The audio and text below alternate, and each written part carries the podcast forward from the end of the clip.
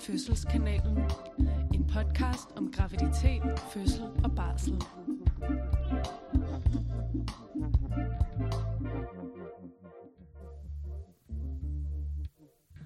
Jeg vil gerne øh, lægge ud i dagens episode med at fortælle om en glædelig vagt, jeg havde i sidste uge, hvor jeg simpelthen tog imod et barn, der skulle hedde Siri.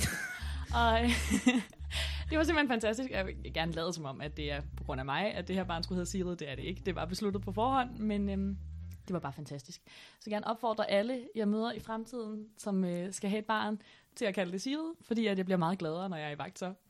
Det, det lyder da helt fantastisk på mange måder. Ja. Ja, men det, så du har bare du har bragt en verdensborger til verden, som, øh, som simpelthen er blevet næsten opkaldt efter dig. Det synes jeg, vi skal lade som om. Ja, det Ja. er altid. Nå, men det, øh, selvom det er hyggeligt at bare snakke med dig, Sid, så er det jo ikke derfor, vi er her i dag. Nej, det er rigtigt. Nej. Øh, og vi har til med fået øh, en gæst i studiet. Og lige bare lige hurtigt, vil vi bare lige sige hej, Camilla. Hej med jer. Tak fordi jeg måtte komme. Det er fantastisk. Ja, det er rigtig dejligt. Vil du ikke sidde bare lige introducere, hvad det er, vi skal snakke om i dag? Jo. Øhm, Og hvorfor det er, Camilla er her? Ja, Camilla er jo et af vores jordmor-idoler, som vi egentlig altid har tænkt fra før podcasten overhovedet sådan rigtig var gået i gang, at vi gerne ville have med i en episode på et tidspunkt. Øhm, har nogle, du har nogle interessante vinkler på jordmorfaget, som vi glæder os til at dykke lidt ned i i dag. Og det, der ligesom skal være emnet, det er køn og seksualitet, og så især forbindelse med øhm, graviditet og fødsel selvfølgelig, som er vores. Og lidt om jordmorfaget også i forhold til det. Ja, lige præcis. Mm. Også lidt om jordmorfaget i forhold til det, og, øhm, og også jordmødre. Mm. Ja. Så det bliver super spændende. Og i den anledning, så har vi snakket om, at vi gerne vil introducere os selv på ny, altså mig og Frederikke. Øhm, Ja. Skal jeg starte? Gør det. Så er jeg Sigrid. Jeg er hvid og hetero cis-kvinde. Jeg er 25 år gammel, uddannet jordmor, og så vil jeg gerne gå under pronomerne hun og hende. Jeg kan godt lide kold øl, kanelgifler og lange togture. Bum. Det er fedt med de kolde øl. Ja, det, meget vigtigt. Det føler jeg på mange måder øh, er en fælles ting for os. Jeg tror, det er en fælles ting for mange. Ja, det tror jeg, du har ret i. Nå, men så jeg ligger, øh, ligger stærkt efter her ved at fortælle, at øh, jeg hedder Frederikke. Jeg er også hvid, heterosis kvinde. Jeg er så 27 år. Jeg har lige et par år på dig. Øh, jeg er uddannet jordmor. Jeg er også uddannet yogainstruktør. Jeg vil også gerne gå under pronomerne hun og hende. Og øh, så øh, som de fleste, der sidder i dette rum, kan jeg se, så kan jeg rigtig godt lide planter. Jeg er også vild med karpet og uldsokker. Mm. Mm. Hygge. Hygge, meget hygge. Ja. Ja, menneske. Nu har vi snakket lidt om os selv. Så Mhm. tænker jeg, Camilla, at øh, du måske kan introducere dig selv. Jamen, øh, jeg hedder Camilla Tvede, og jeg øh, bruger også øh, pronomet hun og hende, Mm. mm. og så identificerer jeg mig som queer i relation til min seksualitet. Øh, så har jeg fire børn og bor i et lille bofællesskab med øh, mine børn og faren til den mindste, som jeg har Mm. i sådan en venskabsfamilie. Øhm, og så er jeg også uddannet jordmor, og jeg har en master i seksologi fra Malmø Universitet. Øh, og er også øh, meget hvid. Øh, har to hvide børn og to brune børn. Mm-hmm. Øhm, og det betyder noget hjemme hos os. Ja, hvad skal man mere sige? Jeg kan øh, også godt lide øl, men jeg kan faktisk bedst lide, når de ikke er så kolde. Nå, det er usædvanligt. Elsker kanelgifler Mhm. mm-hmm. og, øh, og bøger Mm-hmm. og planter. Mm. Ja, Mm. dejligt. Fantastisk. Så er du meget velkommen her i vores podcast. Jeg føler mig også meget velkommen. Det er godt. Øhm, jeg tænker, at vi lige kort kan snakke om, hvorfor vi egentlig tænkte, at det her var relevant for vores podcast og, ja. og jordmorfaget generelt. Øhm, vi møder de her familier, når de bliver dannet. Øh, både sådan i graviditet, men også især under fødslen, må man sige, mødet med barnet første gang, man skal øhm, identificere sig som en ny familie. Mm. Og der er, det er et kæmpe spændingsfelt af alle mulige normer, og familier, der falder uden for normen. Og øhm, jeg vil i hvert fald gerne selv blive klogere på, hvordan man kan agere bedst muligt i den situation, og støtte familierne i at blive den familie, de gerne vil være, øhm, på en tryg og rar måde. Ja. Ja. ja. Og det, øh, jeg tænker, at øh, der er måske også lidt af to dele i det her. For det første, så er der hele det her med, med køn, som jo er øh, en stor del af vores fag. Det fylder meget. Mhm. Øh, det er øh, meget, også sådan et meget sådan samtale øh, område, det der med sådan, hvad er det for et, et køn, vi venter? Øh, kønsscanninger er kæmpestort lige for tiden. Altså folk, der sådan decideret går ud og betaler ekstra penge for at få at vide, hvad, hvad køn de ligesom kan regne med at få, mm. få ud af denne her graviditet og fødsel. Øhm, så det, det er noget, der, der fylder helt vildt meget for os øh, i forhold til barnet. Og så er der hele det her med i forhold til den familie, vi står mm. overfor, at der er vi, det er i hvert fald min mening, og det ved jeg også, at den deler du, øh, side, der, der kommer vi ud i nogle, nogle øh, problematikker i forhold til, at vi ikke er særlig god til at rumme forskellighed i sundhedsvæsenet, at øh, vi meget henvender os til øh, den sådan mere normative familie bestående af øh, en cis-kvinde og en cis-mand, der får et barn. Mm. Øh, og det, det, det er også en af de grunde til, at vi tænker, at det kunne være relevant lige at snakke om, sådan, hvad, hvad det har af konsekvenser for mm. de mennesker, øh, som falder uden for det her. Det kan både være øh, jo soloforældre, men det kan også være forældre, der er flere øh, i en mm. familie, altså flere forældre øh, om barn, og det kan, det kan også være øh, forældre med en anden seksuel orientering end heteroseksuelle. Så, så sådan, det er den der del af det, der også sådan lidt interesserer os. Og der, hvor vi tænker, at du, Camilla, måske kunne hjælpe os lidt på mm. vej til at brede det her emne lidt ud. Mm.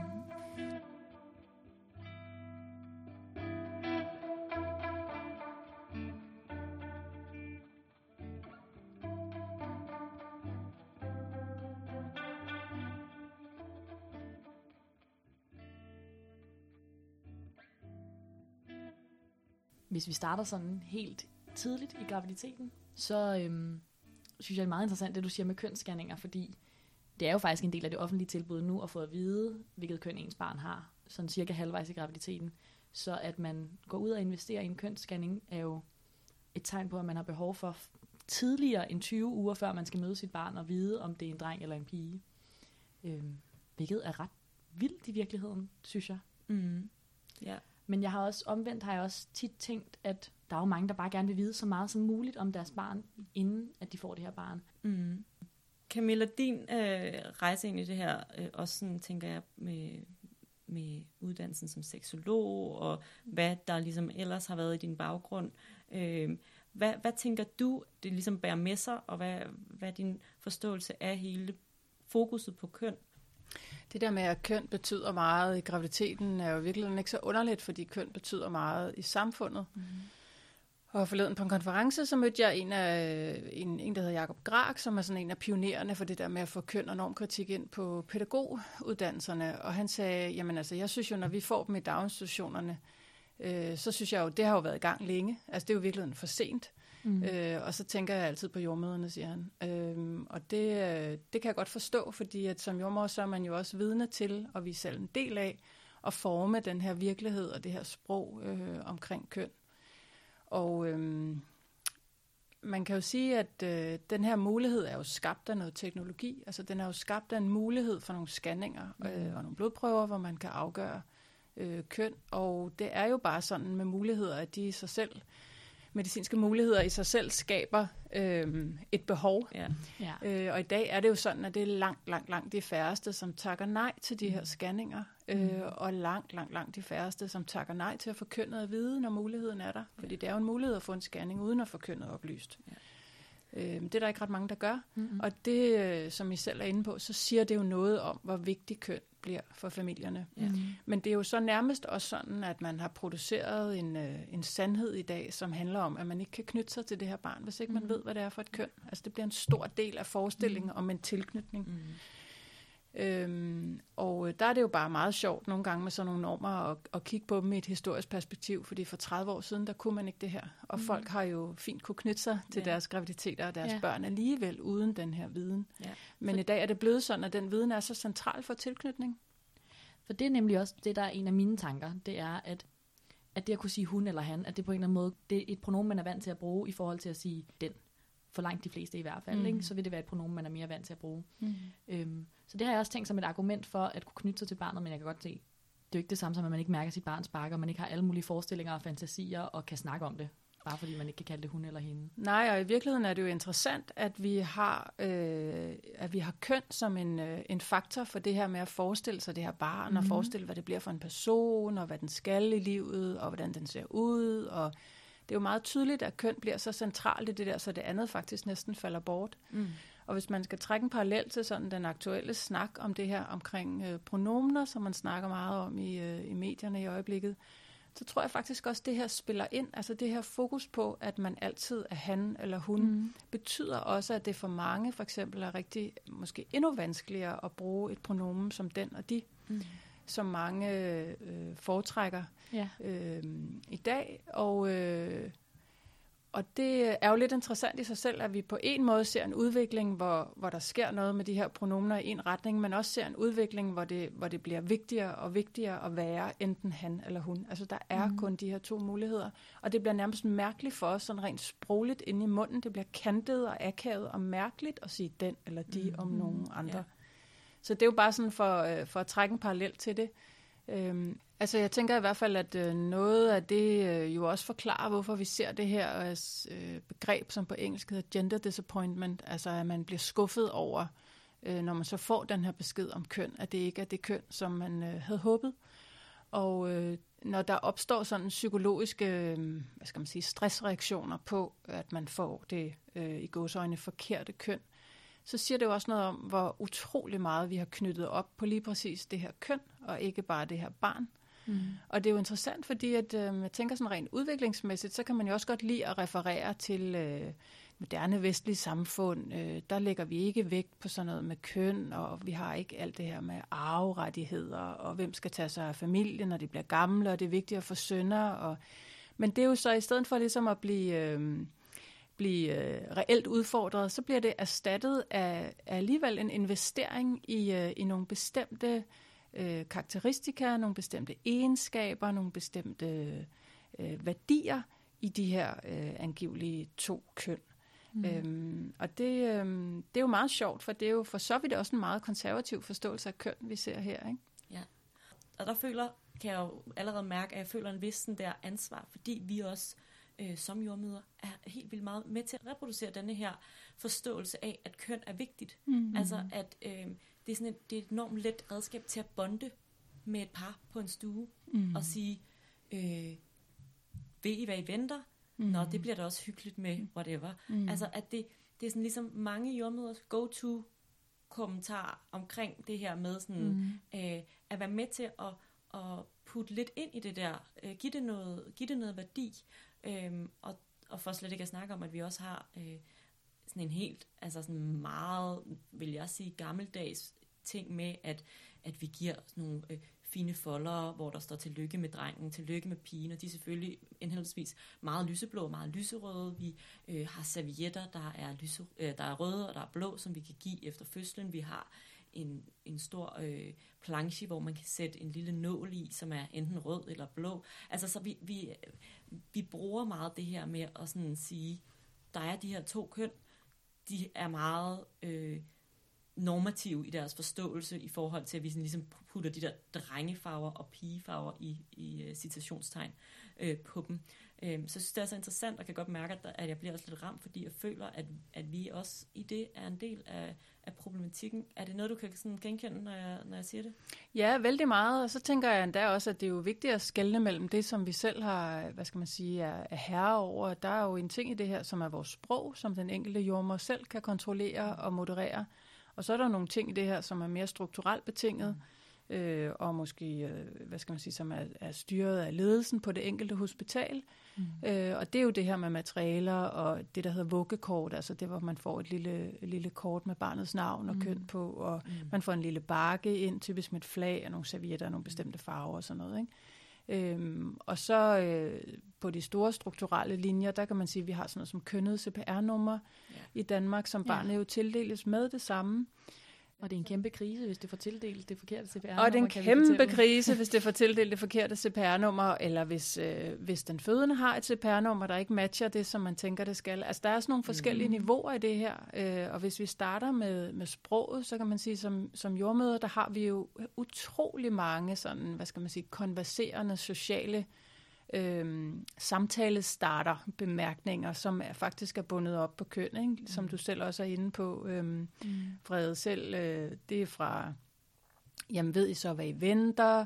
Det kan være et barn, der sparker meget, og så uha, en lille fodboldspiller, der ligger derinde. Det når det er en dreng, og der er det en pige, så kunne det kunne være en, en balletdanser, en klassisk mm. bemærkning mm. til, til de der pigebørn. Ikke? Jo. Helt over til... Øh, det der ja. at vente en prinsesse Det der med meget... at vente en prinsesse. Vi spørger, øh, hvad har I så derhjemme i forvejen, ja. når I har den stolte storebror? Altså, der er noget mm. med en mm. stolthedsfølelse, som er, er bundet til, til en maskulinitet, mm. og så er der en, en øh, storesøster, der glæder sig. Altså, mm. der er sådan lidt blødere følelse bundet til noget feminitet, ikke? Mm. Altså, der er faktisk utrolig mange af vores, uh, utrolig meget af vores sprog, hvor vi ligesom bonder og connecter med de her familier øh, som er bundet op på køn. Mm. Og den her øh, connection, som vi laver til de her familier, er jo rigtig vigtig. Altså, det er jo typisk en øh, jordmors spidskompetence. Det er det her med, at vi har ligesom 30 sekunder til at ja. komme ind på en stue, og så skal kemien være der. Og det ved vi godt, at vi er hovedansvarlige for.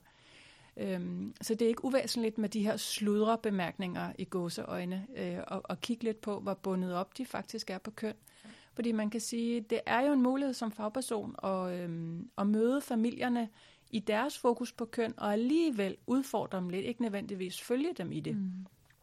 Fordi vi bliver jo en del af at forstærke det, og, øh, og vi kommer jo ind som en autoritet på en stue eller et konsultationsrum, øh, og, og har en autoritet og en magt, øh, og dermed så bliver det faktisk rigtig vigtigt, hvad vi siger i den her situation. Og set i det lys er det jo utrolig interessant, at vi, jeg har jo altid tænkt, at jordmøder, de sidder øh, i altså måske det største spændfelt mellem køn og seksualitet og krop.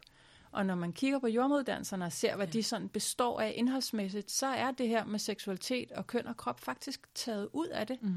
Øh, stort hovedfokus på, på fysiologien selvfølgelig, mm. som, jo, som det jo bør være, men, men at det her øh, socialpsykologiske omkring mm. køn og krop og seksualitet faktisk næsten ikke er til stede, og på nogle af skolerne slet ikke findes. Ja. Øhm, det, øh, det er jo ekstra tankevækkende, når vi nu sidder og kigger sammen på, hvor meget det faktisk fylder. Ja. ja. Det, er nemlig, det er nemlig super interessant, og det øh, har jeg da også virkelig tænkt har været en mangelvare på vores... Vi har gået på København øh, professionshøjskole, øh, og der jeg har ikke sådan nogen særlig erindring af overhovedet at blive indført i det her spændingsfelt af øh, netop, hvad er køn så, og hvad, hvad er det, vi kan forvente i forhold til, øh, til at skulle indgå i nogle relationer til nogle familier, som, som også kan have forskellige forestillinger om, øh, mm, ja. hvad, mm. hvad køn er. Altså jeg har heller ikke noget minde om, at vi har haft noget undervisning om det, men at det er noget, vi har diskuteret måske iblandt os som studerende. Mm. Øhm, og der tænker jeg også meget, at at man kan dele jordmødrene op, eller der er i hvert fald en, en stor forskel på de jordmødre, som synes, det her er mega spændende, og et meget øh, vigtigt element af deres fag. Og så er der også de jordmødre, som som ser det som et kvindefag, altså for virkelig at gå ind i den der opdeling imellem det maskuline og det feminine, så ser de det som, at nu skal vi støtte en kvindekrop til at føde, og øh, som måske har valgt faget for at, øh, at dyrke det rigtig, rigtig meget, hvor det her slet ikke er sådan et interessefelt i den øh, tankegang. Altså man kan sige, selv med den tilgang til køn, hvor man, øh, hvor man synes, det fylder meget, og øh, øh, pige, babyer er små prinsesser, og altså hvor, hvor man lader køn fylde på den der mere sådan normative måde, så, øh, så har vi det jo alligevel ikke på uddannelserne. Jeg tror endda, at Københavnerskolen faktisk er noget af det, der har mere, øh, og de har jo også seksologi på skemaet i, i, i dag i hvert fald. Ja. Øhm, så, så der er noget med det her med, at, øh, at, at køn er vigtigt for os alle sammen, både som privatpersoner og fagpersoner. Øh, men, men at vi ikke i uddannelsen får, øh, får teori og viden og faglige værktøjer til at håndtere det, betyder, at den måde, som køn kommer til at fylde på, handler om følelser mm. og synsninger og ja. personlige erfaringer og holdninger. Øh, og det synes jeg ikke tjener til, øh, til, øh, til, til gode point. Altså, fordi øh, det her handler jo om, at vi trods alt skal være, vi skal gå ind i de her rum med en faglighed og med en evidensbaseret viden. Mm. Og øh, når det her handler så meget om køn og seksualitet, så er vi også nødt til at have øh, evidensbaseret og, og gennemdiskuteret øh, tilgange til det her, i stedet for øh, at gå ind i det med, øh, jamen det synes jeg, eller øh, det føler jeg, og alle føler noget for det mm-hmm. her. Øh, men men, øh, men det, øh, det tror jeg, vi i højere grad bør være bedre til at blive derhjemme. Det er okay at føle noget for mm-hmm. noget, men man kan ikke nødvendigvis bruge det som redskab som jordmor. Nej. Nej.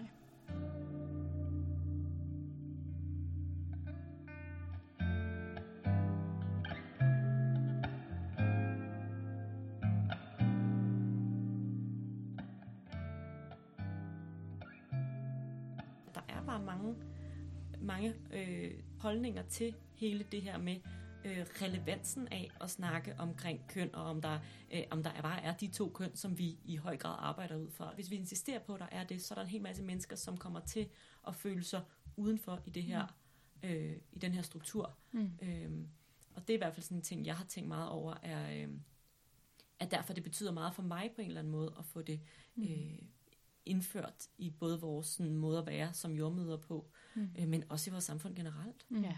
Men selv hvis man går med på den her præmis om, at der findes det her tokønssystemet, som det nogle gange kaldes binært køn, altså en Mhm. forståelse af, at der findes to køn, som er modsatrettet hinanden.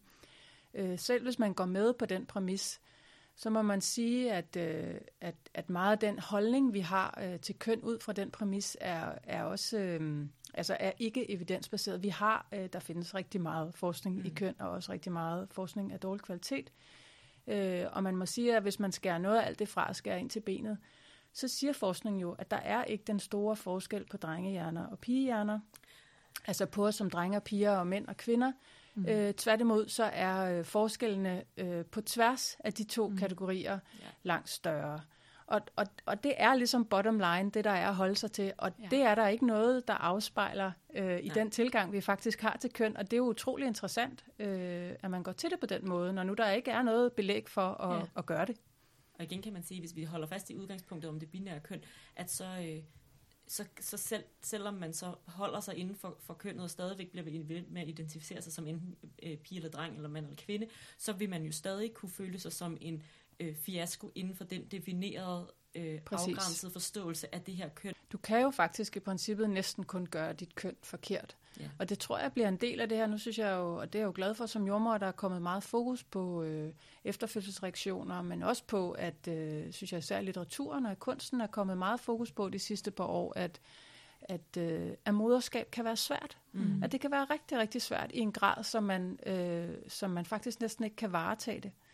Øh, og det synes jeg jo er rigtig, rigtig vigtigt. Øh, men jeg tænker også, at, øh, at det er godt at have et kønsperspektiv med ind i det der, fordi det er utrolig let at gøre det her moderskab forkert.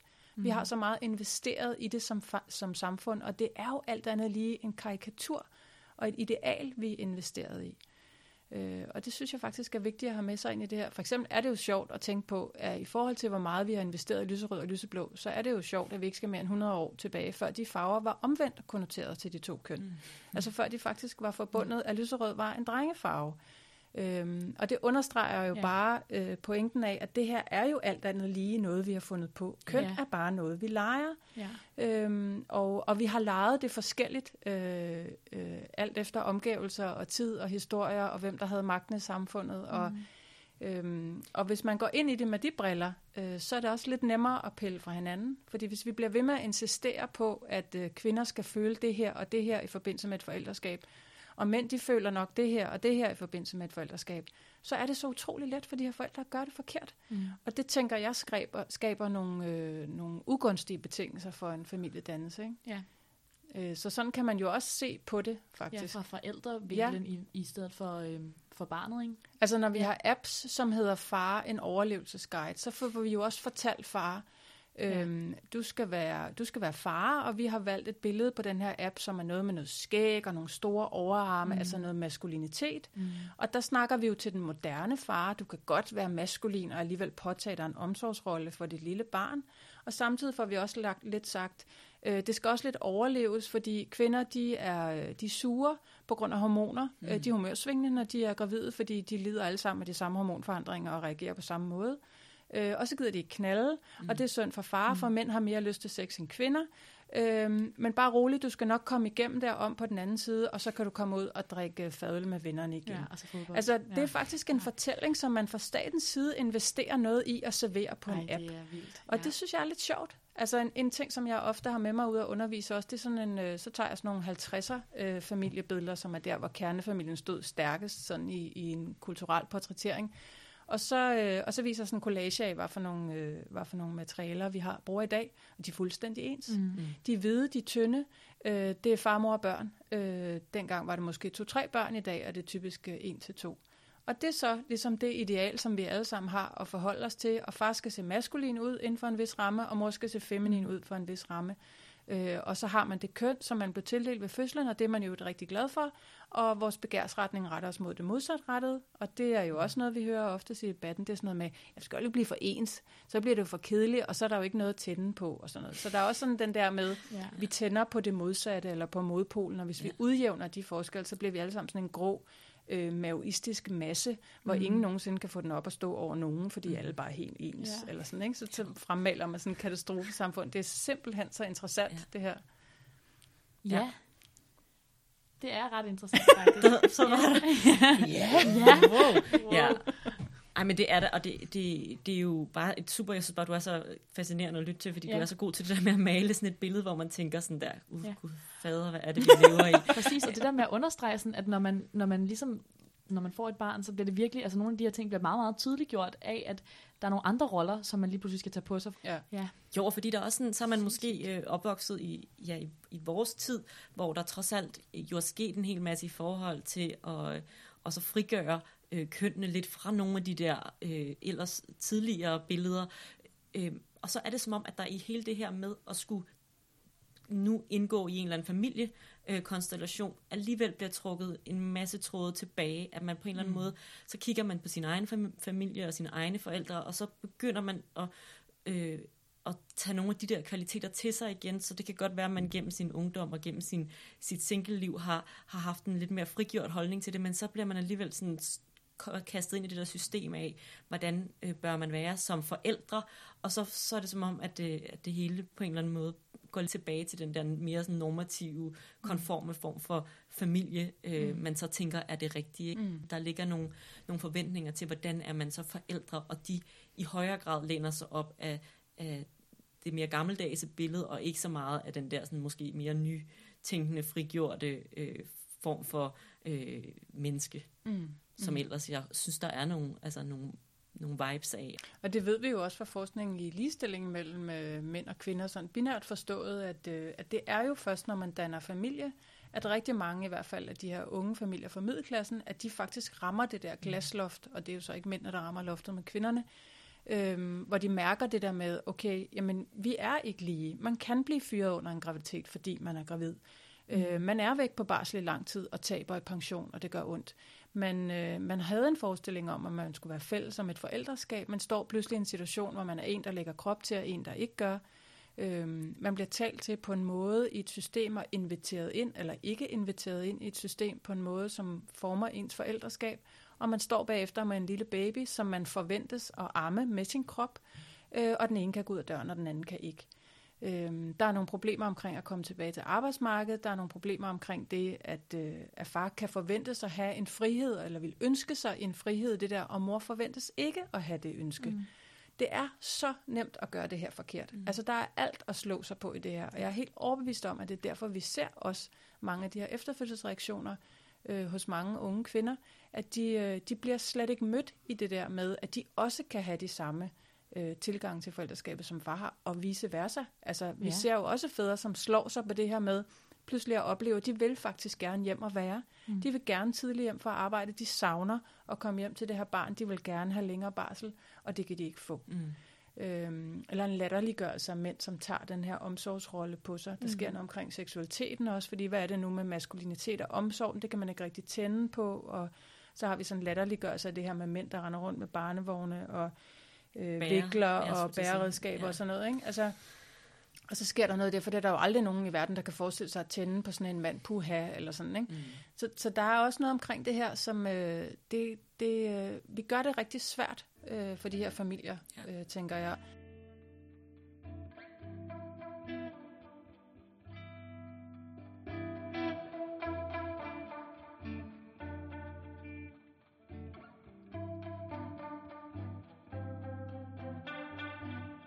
Jo selv en tilgang, hvor jeg går til både køn og seksualitet som et spektrum. Mm. Øh, både et spektrum bredere set, men også et spektrum over et, øh, over et liv. Øh, og når man hiver det ned på den måde, så kan de fleste øh, mennesker godt øh, se det her med, når ja, men øh, jeg gør jo egentlig ikke mit køn på samme måde igennem hele livet. Jeg gør ikke min seksualitet på samme måde. Øh, det kan være svært at have en udfarende seksualitet som ung kvinde. Det er så i forhold til unge mænd, det kan så trods alt være noget bedre end at være 60 og sige, at man har det bare mega knalleren hele tiden, når man fyrer rundt på Tinder.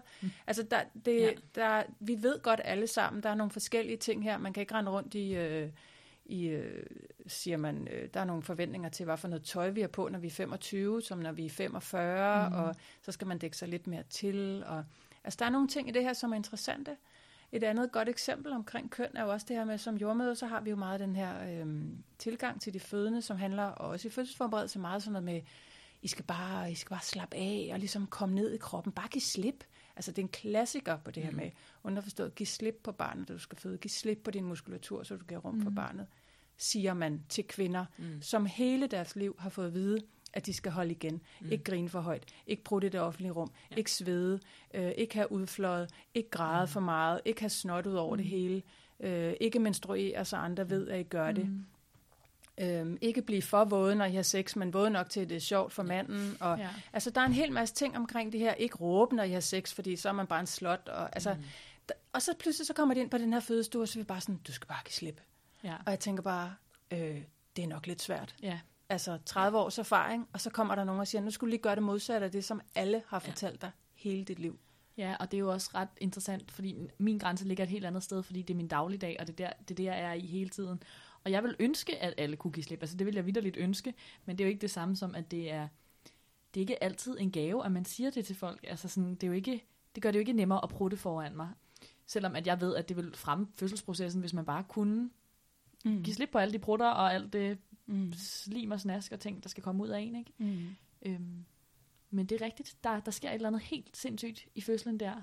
Og det er jo også køn, og det er jo Ja. ja. bare det, der er min pointe, Ja. ja. at det handler også om køn og krop. Mm. Ja. Du kan ikke tage køn og krop ud af det her. Du kan ikke tage køn og krop ud af jordmorfadet. Nej. Og det er så vigtigt, at vi siger det højt. For jeg tror faktisk, vi kunne komme langt ved at sige til de her kvinder, hey, prøv at høre, vi ved godt, at I altid har fået hørt det modsatte. Ja. Nu snakker vi lige lidt om, hvordan vi Mm. mm. prøver at gøre det, og hvordan det faktisk er.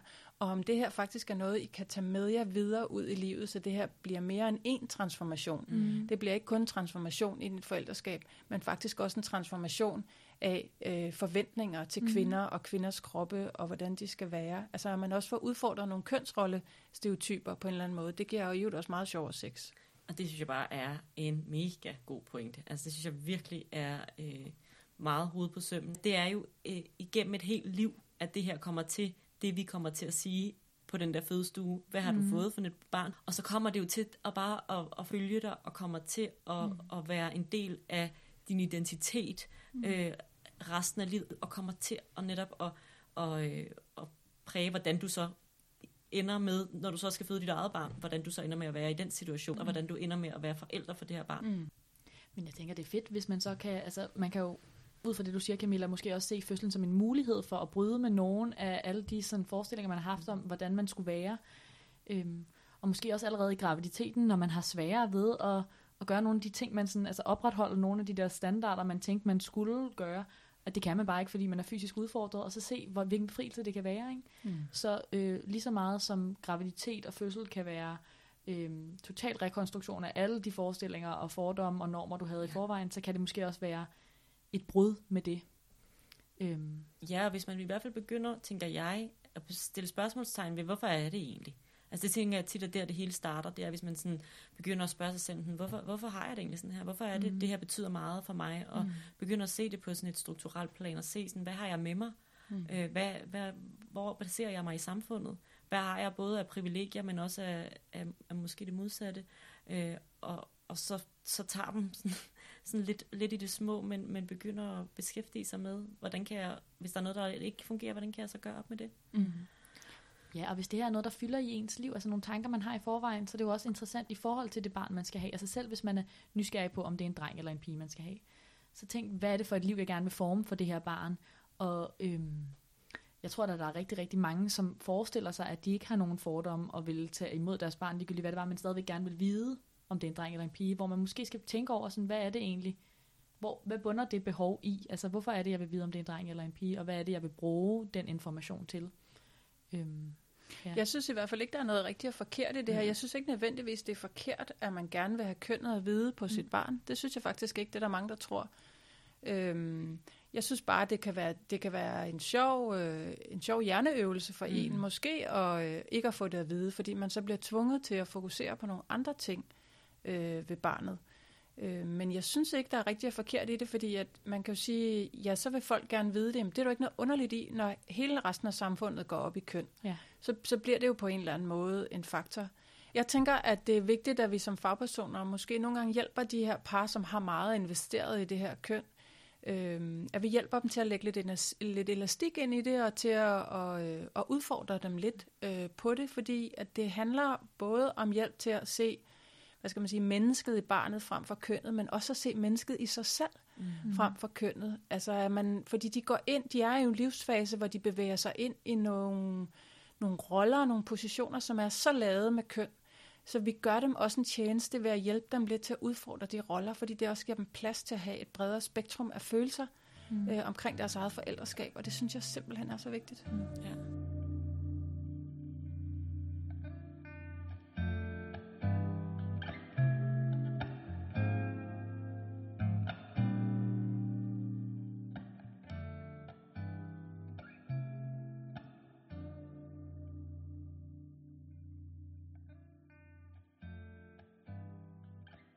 Kunne snakke, jeg kan, jeg kan mærke, at jeg kan snakke om det her rigtig, rigtig længe, men vi havde jo andre ting, vi også tænkte, vi ja. lige skulle ind og snakke om i dag. Ja.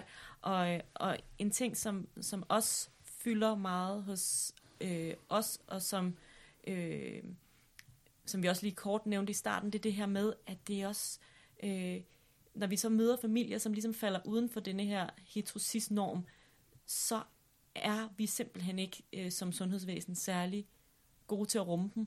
Altså, og det er, det er netop alt fra, fra materiale, men også til sådan, det kan også være selve det med sproget, at vi ikke er gode til at, at snakke til dem og henvende os til dem, og vi kommer til netop at tage nogle af de der øh, normative forestillinger om, øh, hvordan man er forældre eller sådan noget, ind i det. Mm. Øh, og jeg ved, at det er noget, du har arbejdet meget med, altså sådan generelt øh, forældre, som vælger at gøre forældreskab på en anden måde, end, end det, sådan, det man måske vil kalde normen. Ja. Øh.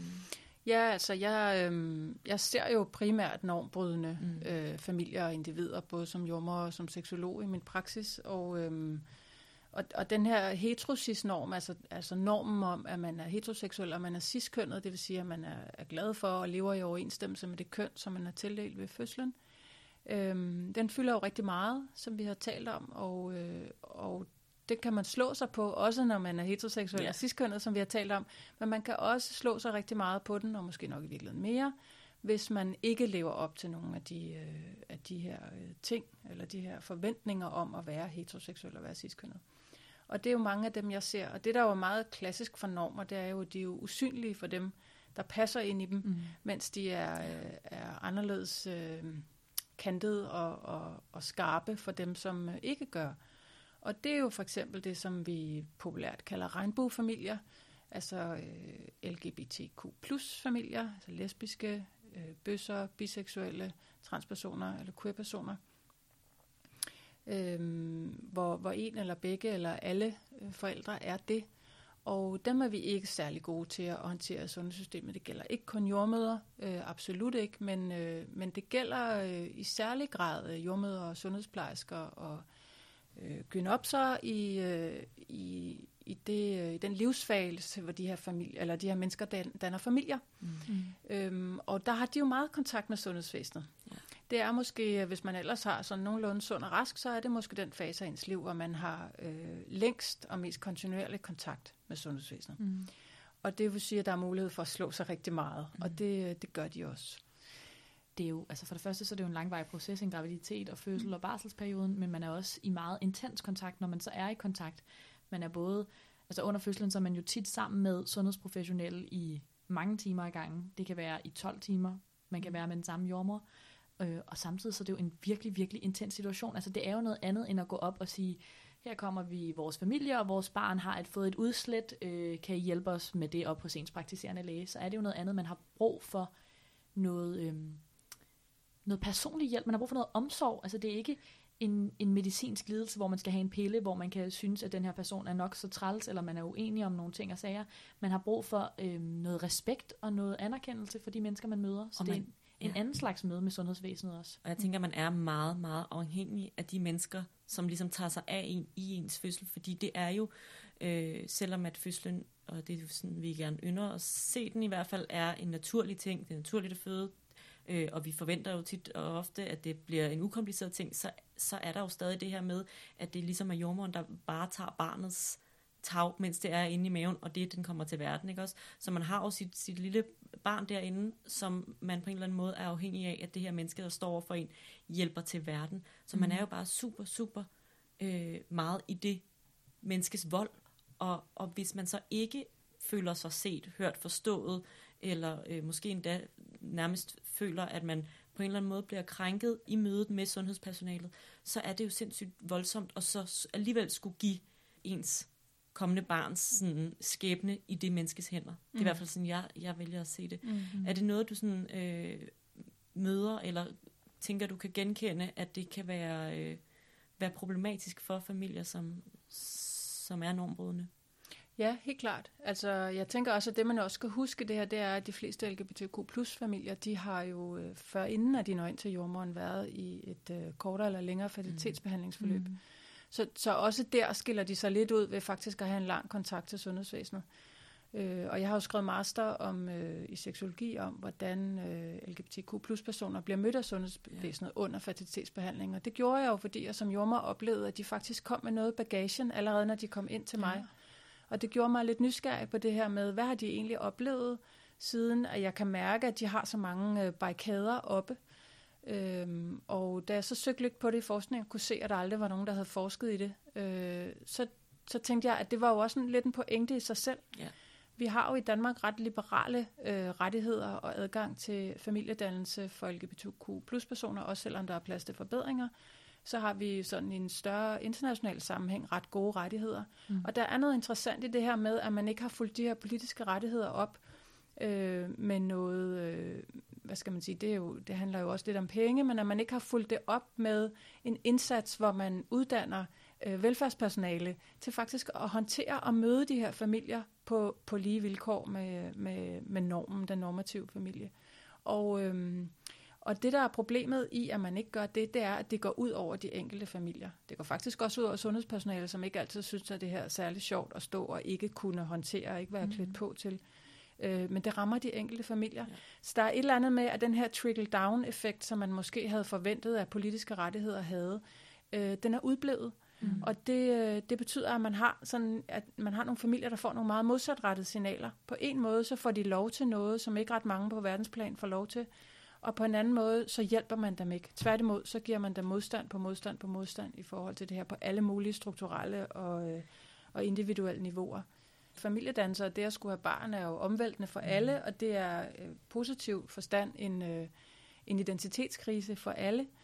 Øh, men det bliver noget særligt for de her familier, og det er også derfor, det er ikke helt irrelevant at have noget viden og noget, noget, noget baggrund på de her familier, fordi de kommer med, hvad skal man sige, et ekstra lag mm. af stress. De kommer med noget ekstra i bagagen. Ja. Øhm, og det ser vi jo med mange minoritetsgrupper i sundhedsvæsenet, det gælder jo ikke kun jordmøder, det gælder jo alle bredt, at vi har svært, vi har stor ulighed i sundhed, også i Danmark, øh, og den er voksende.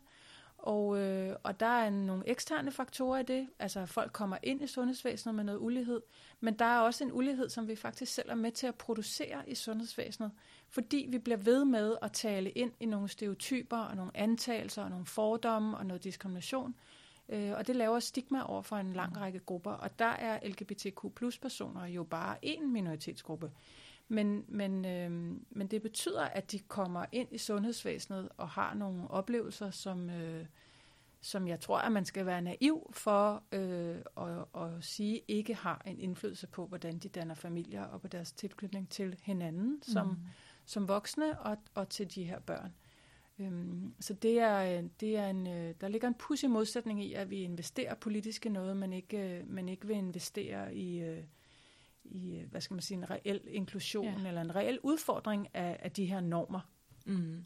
Og jeg tænker, det er, så, det er så vigtigt, fordi at vi som sundhedsvæsen gør meget ud af at hjælpe folk øh, godt ind i forældreskabet, og på en eller anden måde alligevel kommer til at fejle lidt i forhold til en stor gruppe mennesker. At vi kommer simpelthen ikke i mål med vores intention. Der er sådan nogle ting med, at vi, vi er simpelthen blinde over for mm. et område øh, mm. der, som på en eller anden måde, selvom at man skulle tænke, at vi på det her tidspunkt i historien ville være nået til et sted, hvor man tænker sådan, ja, mm. altså det er ligesom blevet anerkendt, at, øh, at man kan sagtens være andet end heteroseksuel, men, men så kan man det så bare ikke i det her område af samfundet. At det, mm. Der er der ligesom ikke plads til at skulle falde uden for normerne. Vi, vi har en standardpakke, og den hedder, du bliver forældre, og der er en mor og en far, og øh, mm. I får øh, et barn, og måske har et barn i forvejen, og det er det, vi kan mm. tilbyde agtigt. Ikke? Og det er på en eller anden måde så... Øh, når man, hvis man tænker på, at man så har været igennem et langt fertilitetsforløb, hvor man måske øh, har mødt nogle ting, som ikke har været så, så hensigtsmæssige, at man så går videre til et langt graviditetsforløb, hvor man igen møder nogle ting, som ikke er så hensigtsmæssigt, mm. og så kommer ind på en fødegang og senere øh, et mor-barn-afsnit eller en mm. barselsgang, at, at det er fandme et langt proces af at skulle møde modstand på modstand på modstand, mm. og så forvente, at de kommer ud som, som øh, hele og, øh, øh, og øh, glade forældre. Det, det føler jeg er modstridende. Mm. Og det gør de jo altså langt de fleste af gangen, kan man sige. Ja. Især fordi de faktisk også godt ved, at de skal ind og møde de her modstand. Så mange af de her familier, de forbereder sig jo ja. bedre end den gennemsnitlige familie, ved ligesom at have ressourcer og netværk og finde viden andre steder, mm. og finde støtte andre steder. Øh, så, så i langt de fleste tilfælde, så går det jo rigtig godt, og al forskning viser jo i øvrigt også, at børn i samkønnede øh, familier faktisk gennemsnitligt har det en lille smule bedre, øh, end vi ser i heteroseksuelle familier. Bare lige for ikke ligesom at at udstille den her familieform som sådan øh, særlig dysfunktionel. Eller, ja. øh, men men øh, ja, faktisk så tænker jeg, øh, Frede, der er noget af det, du siger omkring det der med, at vi giver ligesom alle den samme pakke, fordi det bliver en barriere i sig selv i sundhedsvæsenet, at vi som sundhedspersonale dels tror, at vi skal behandle alle ens, mm. og dels har et selvbillede som værende meget rummelige og tolerante, fordi mm. ellers så havde vi jo nok ikke valgt at arbejde med mennesker. Mm. Og, og det bliver en barriere i sig selv for faktisk at komme igennem til ja. sundhedspersonale med at sige, prøv at høre, øh, vi gør ikke det her godt nok. Ja. Øh, normer og stereotyper og antagelser har en indflydelse på vores faglighed, en direkte indflydelse på vores faglighed, og det betyder noget for behandlingen, mm. altså ikke bare det sociale i møde med mennesket som, som sundhedsfagperson, men, men simpelthen for vores sundhedsfaglige behandling. Øhm, og det er jo derfor, vi ser ulighed i sundhed.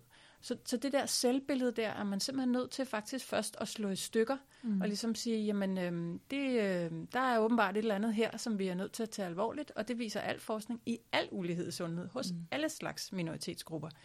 Og før vi er kommet igennem med det, så kommer vi altså ikke rigtig videre. Ja. Øhm, fordi det er, vi, det er vi nødt til at tale åbent om, at øh, ja, men normer influerer på vores sundhedsfaglighed. Vi er nødt til at identificere, hvad det er for nogle normer, hvordan de virker, og hvad vi skal gøre for at udfordre dem før vi kan komme videre. Ja, og det tror jeg, der er en virkelig god pointe i, og det tror jeg øh, er rigtig svært. Det tror jeg også er rigtig altså... svært. Og så er vi jo lidt tilbage til det her mm. med, at køn er så stor en del af samfundet, det er så stor en del af os alle sammen, og de her normer omkring øh, den heteroseksuelle kernefamilie fylder øh, meget mere, end vi tror. Det handler om meget mere end en servietfarve, eller mm. hvem man selv er gift med derhjemme. Altså, det handler jo om en, et norm, som er understøttet af politisk magt, mm. af, af jura, af social og kulturel magt, af historik. Og, altså det handler jo om rigtig mange ting. Øhm, ja. så, men selvom det så er så omfattende, så er der, der er jo noget at gøre. Bestemt, ja.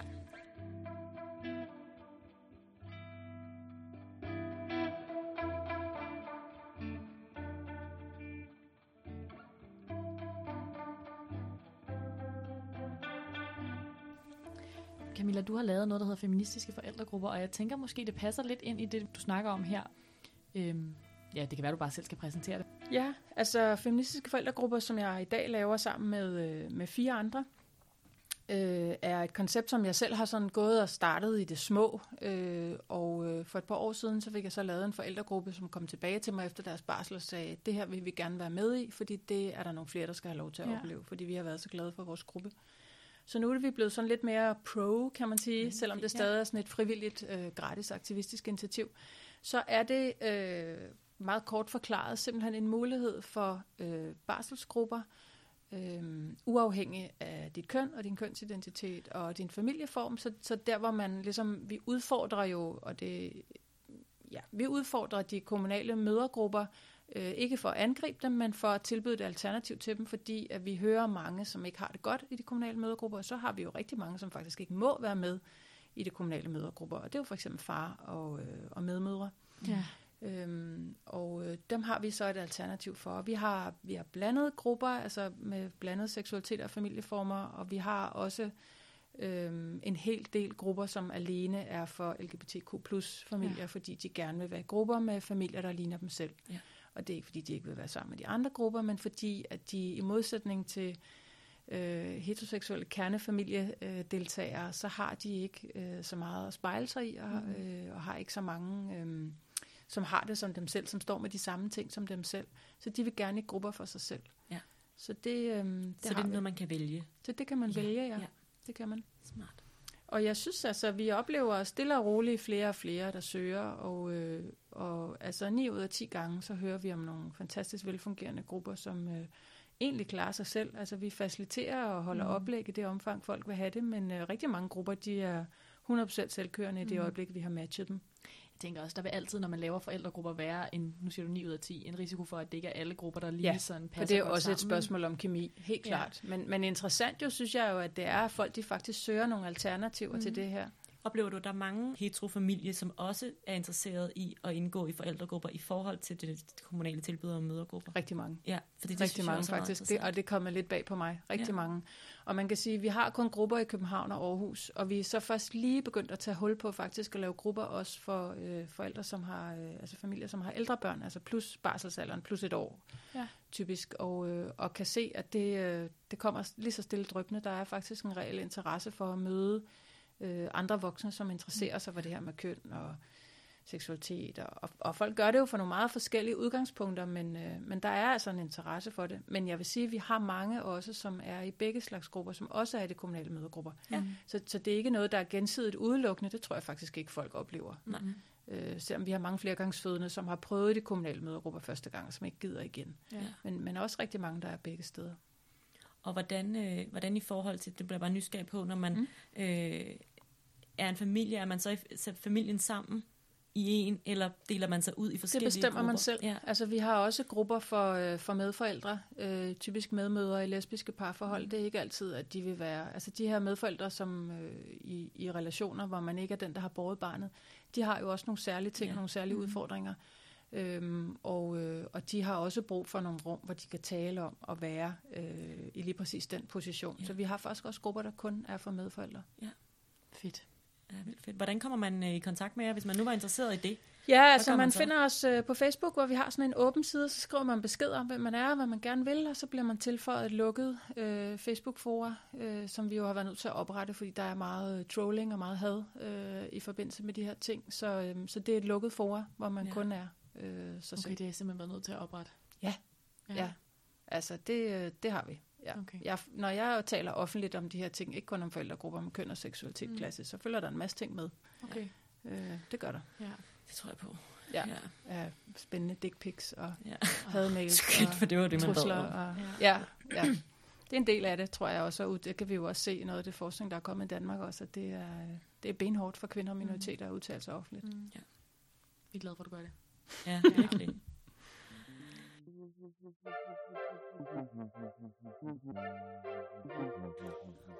Altså man kan sige, at en af de her øh, familieformer, som øh, findes på det her LGBTQ plus øh, spektrum, og som får meget opmærksomhed i medierne øh, på en måske lidt ubehagelig og sensationel måde, det er transfamilier, øh, og det er jo også en del af billedet. Og øhm, det er jo, øh, vi har jo i Danmark i lov, en lovgivning, som siden 2014 har gjort det muligt at blive juridisk kønsskiftet, altså at få ændret sit CPR-nummer mm. og sit, øh, sit officielle køn øh, i systemet, øh, uden at blive kastreret og steriliseret, som det tidligere var et krav frem til 2014. Og det betyder, at vi i dag har transpersoner, som har juridisk kønsskiftet, men som har deres reproduktive organer i behold, og som mm. kan øh, fertilitetsbehandles øh, eller øh, på anden vis øh, blive gravide og bære og føde et barn. Ja. Og øh, det er en af de familieformer, hvor vi juridisk øh, mangler nogle tiltag for fuldt ud at anerkende de her familier. Også en, igen en, en sjov kontrast i, at man gør det her muligt, Ja. men at man ikke følger op med at ændre børneloven og ja. sundhedsloven, sådan så de her øh, familier kan blive øh, godkendt på den måde, som de ønsker. Og det er jo ud af det her vokser jo det, som i, i medierne bliver kaldt gravide mænd, eller som i praksis også er gravide mænd. Mm.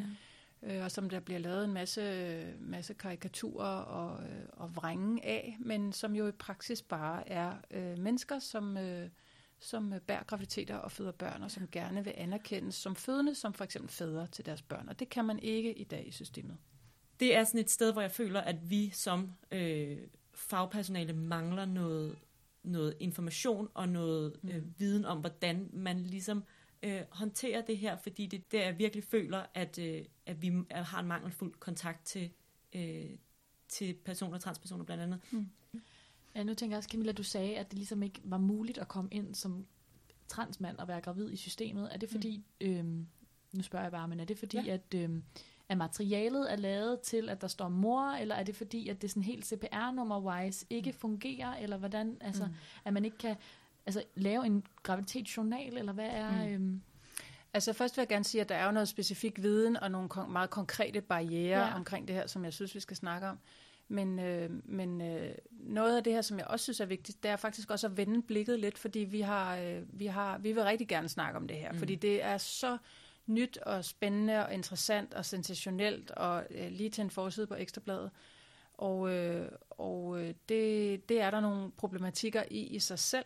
Mm. Og, og bare sådan lige for, så vil jeg gerne understrege, at, at, øh, at gå til øh, køn og seksualitet som et spektrum generelt, laver meget plads for mange, blandt andet gravid transmænd. Ja. Ja. Men der er noget at vinde i det her for alle.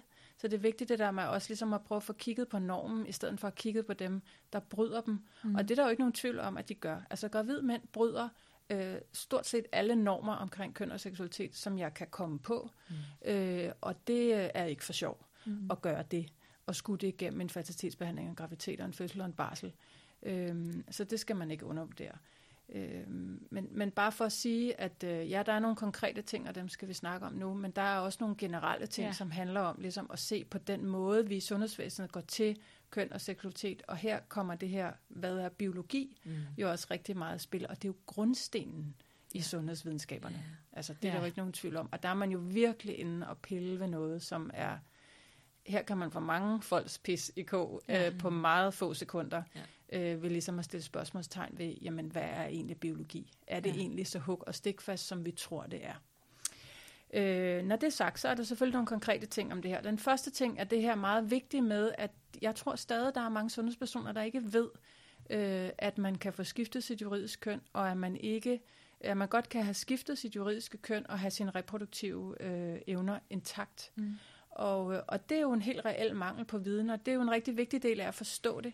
Det gør jo, at når, vi, når det kommer op i nogle sundhedsfora, så er der jo selvfølgelig en undren omkring, jamen hvordan kan man det? Altså sådan Mm. helt konkret, hvordan kan man det? Ja, og den person, som så møder sundhedsvæsenet, skal måske faktisk nærmest forklare sig nogle gange. Det kan jeg love dig for, at den person, der møder sundhedsvæsenet, rigtig meget skal, Ja. eller i hvert fald bliver, bliver bedt om at gøre, Mm. ikke? og man så stiller op til det, er jo en anden sag. Men Ja. der er der jo i hvert fald en forventning om, at man ja. skal, og det er jo noget, som mange minoriteter oplever, at man skal uddanne sundhedspersonalet. Ja. Øh, eller man lige skal have den der, ej hvor hyggeligt i sådan et lesbisk par. Jeg kender faktisk også nogle lesbiske. Ja. Ja. Min søster kender en, som engang arbejdede sammen med nogen, der var lesbiske, og de var rigtig søde. Altså, og de brugte åben donorsæd. Hvad har I gjort? Ja. Altså Ja. sådan, så skal man ligesom ind på den der, ikke? så det bliver også meget nært Ja. på en eller anden måde. Men der er jo helt klart også en forventning om, kan I lige gøre mig lidt klogere på det her på 30 Mm. sekunder? Det gider folk ikke. Det bliver Nej. de rigtig, rigtig træt af. Ja. Øh, og det oplever transpersoner naturligvis også. Men, men, men fair nok, at, at man ikke ved det her, og man gerne vil vide, okay, hvordan kan det her lade sig gøre? Men det, kan vi, det er jo meget enkelt at forklare. Folk har deres reproduktive evner i behold. Det ændrer ikke på, hvordan de definerer deres køn. For eksempel, hvis de bruger pronomen han og identificerer sig som mænd, mm. så er det det, de er. Mm. Øh, og de er så gravide mænd. Den er ikke så meget længere eller så meget mere kompliceret. De har juridisk ret til fertilitetsbehandling, det har vi fået fastslået i Danmark. Øh, de har jo i den forstand også ret til øh, at bære graviditeter og føde. Det, som de ikke har ret til, det er, at de øh, ikke har ret til at blive øh, fædre for deres børn fra fødslen. Og Så det, de bliver mødre. de bliver mødre. Ja. Og det er et problem for mange. Og man kan så også sige, øh, og det ved vi jo også, dem af os, der arbejder med de forskellige former for elektroniske patientjournaler, at øh, her taler vi virkelig om systemer med stort S. Ja. Øh, og her kommer det her kønnede CPR-nummer jo i kraft, fordi vi har faktisk ydelser, som alene er bundet til bestemte CPR-numre. Ja. Øh, og hele vores fagområde øh, ligger bundet til kvindelige CPR-nummer. Så der opstår nogle forskellige problemer afhængig af, hvad for et system man bruger. Mm. Så, så der, vil, der vil den enkelte sundhedsperson opleve en barriere i sit arbejde, når man skal ind og kode noget. Det skal vi have gjort noget ved. Mm. Øhm, så er der nogle ting omkring det her. Øhm, nu snakker, nu er vi virkelig inde og pille ved det her biologi og køn, og så bliver det her med følelser og synsninger øhm, og antagelser øh, meget stærkt. Altså det bliver voldsomt forstærket på det her område. Det er vildt interessant i sig selv. Øhm, mere interessant end transpersoner og gravide mænd. øh, hvordan det sker. Men, men der er simpelthen nogle antagelser omkring, at det for eksempel skulle være øh, mere risikofyldt øh, og, øh, at undfange en graviditet og være fertilitetsbehandling og at bære et barn øh, end, end den gennemsnitlige. Øhm, og det er heller ikke rigtigt.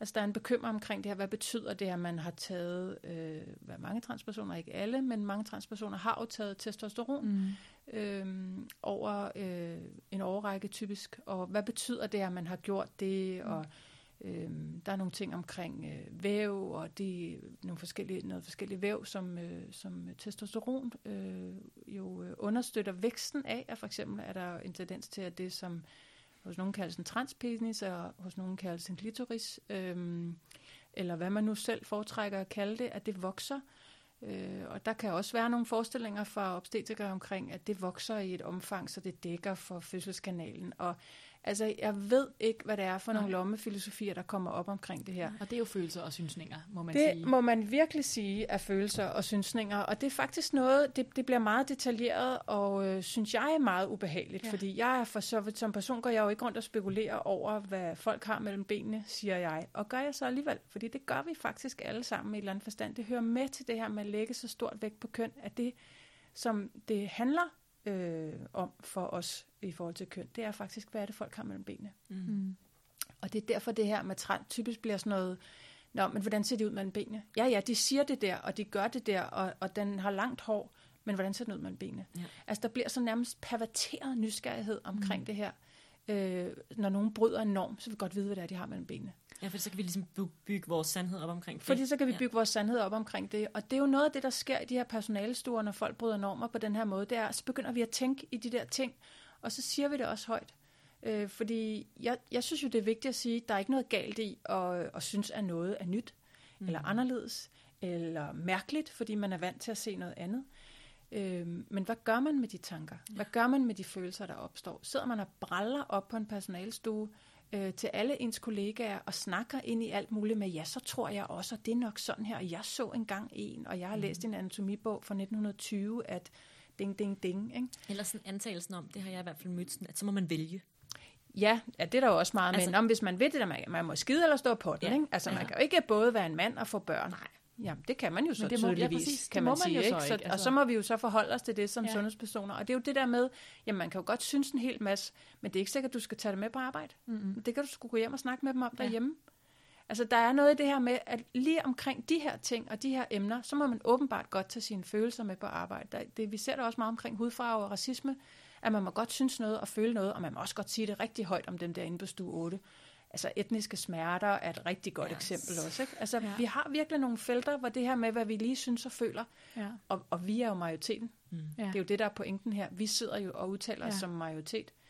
Øhm, og der sker altså nogle ting omkring det her, hvor vi også skal have taget noget ansvar, øh, både som enkeltpersoner, men også at der er en ledelse, der går ind og siger, jamen det kan ikke nytte noget, at vi sidder her og ikke rigtig ved noget om det her, og skal gribe til nogen, der kender nogen, der kender nogen, som engang har set en amerikansk dokumentar om nogen. Altså det, det kan ikke gå. Altså Nej. der, der har vi jo et ansvar for at lægge det her ind på uddannelserne og forklare Mhm. mm. folk, hvad det er, der foregår. Og så må man jo øvrigt sige, altså som vi møder alle andre patienter, øh, prøv at høre på, hvad de siger. Mm. Prøv at høre på, hvad de siger. Mm. Hvad er det, Ja. der er vigtigt for dem? Jamen, så er det det, der er vigtigt for dig. Ja.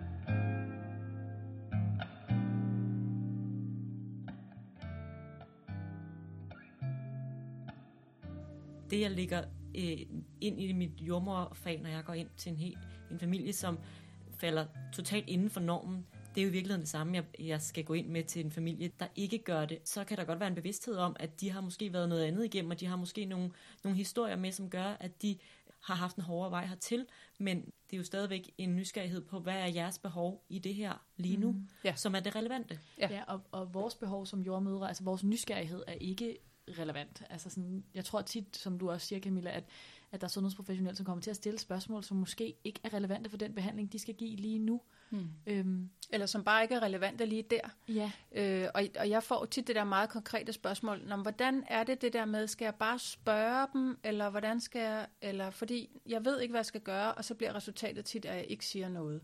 Og så siger jeg, jamen, øh, I kan jo godt spørge.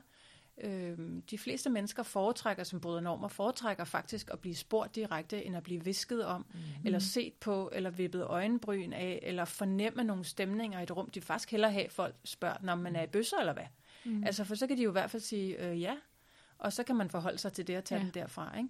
Men, men der er noget med det her i at spørge, fordi der, det bliver jo meget nemt sådan en, jamen øh, nu skal jeg også spørge om alt det, som jeg Ja. faktisk har gået til. Nu møder Ja. jeg simpelthen endelig det her menneske, som er så spøjst, og som jeg kun har set noget om i pressen. Så nu skal jeg stille mig også have at vide, hvordan det er, de har gjort, og hvad de tænker, og hvem er faren i det her lesbiske forhold, og alt det her. Ikke? Øhm, fed antagelse. Eller? Ja, om, det er jo altså en klassiker, ja. ikke? Altså, hvem er manden, og knaller, og altså, folk kan godt nok finde på at spørge om nogle mærkelige ting. Ja. Øhm, men, men det her med ligesom at tage lidt ansvar for, sådan, hvad er det, jeg gerne vil vide? Hvorfor vil jeg gerne vide det? mm. Og hvad skal jeg bruge den viden, jeg får til? Mm. Øh, Ja. Og der kan jo være noget helt relevant. For eksempel kan man jo sige, øh, jeg kan se, I kommer øh, to kvinder her. Hvordan, kunne I, hvordan taler I om jeres familie? Hvordan taler I om jer selv? Mm. Øhm, har man, øh, og det bør man jo altid spørge om med en fødende, er der noget i din historie omkring din krop, som jeg skal vide? Som du har brug for, at jeg skal vide? Så får vi lige alle dem med, der har været med for overgreb. Ikke? Det er del med mange. Mm. Mm. Og dem svigter vi jo også i sundhedsvæsenet big time, og vi, og vi er med i et traume, en reetablering af traume, når ikke vi spørger. Mm. Hvordan vil du gerne have, at jeg går til det her? Er det okay, at jeg gør det her? Hvorfor et pronomen bruger du om dig selv? Øhm, man kan jo spørge, hvis vi har et lesbisk barn, man kan spørge øh, den anden mor, øh, hvad, hvad, hvad bruger I? Siger I mor? Siger I mamma? Siger I medmor? Øh, hvad er ret for dig? Ja. Det tager øh, fem og et halvt sekund at spørge om, og man får, altså man kommer så langt med de der Ja. fem og et halvt sekund, for man får faktisk sagt, jeg ser jer, Mm. jeg hører, hvad I siger, jeg vil gerne møde jer på en ordentlig Mm. måde, som er rar for jer. Og det er relevante spørgsmål for den behandling, man giver dem, eller den Super måde, man er sammen med dem. Super relevant. Ja. Jamen, det er der jo ikke nogen tvivl om, at det er jo relevant, mm. for det er jo, hvis man skal være sammen på en fødestue eller en undersøgelse, ja. hvor man skal penetrere nogen, mm. så skal man da også øh, så skal man da også have god kemi, eller man skal da have en kontakt med dem. Ja. Vi går heller ikke ind og jager hånden op i folk, uden at kigge dem i øjnene. Det vil jeg dele mig ikke håbe. Altså, det er der jo nok desværre nogen, der gør. Og vi har alle sammen set nogen gøre det. Ja, det har Ja. Og vi ved også alle sammen, hvor ubehageligt det er, Ja. og vi står selv og kniber bækkenbunden sammen imens, fordi Ja. vi kan godt sætte os ind i, hvordan det Ja. er. Ikke? Men selvfølgelig er der noget, der er relevant, men hvad er det, du gerne vil vide? Hvorfor spørger du, og hvad skal du med den viden, Ja. øhm, som ja. du får?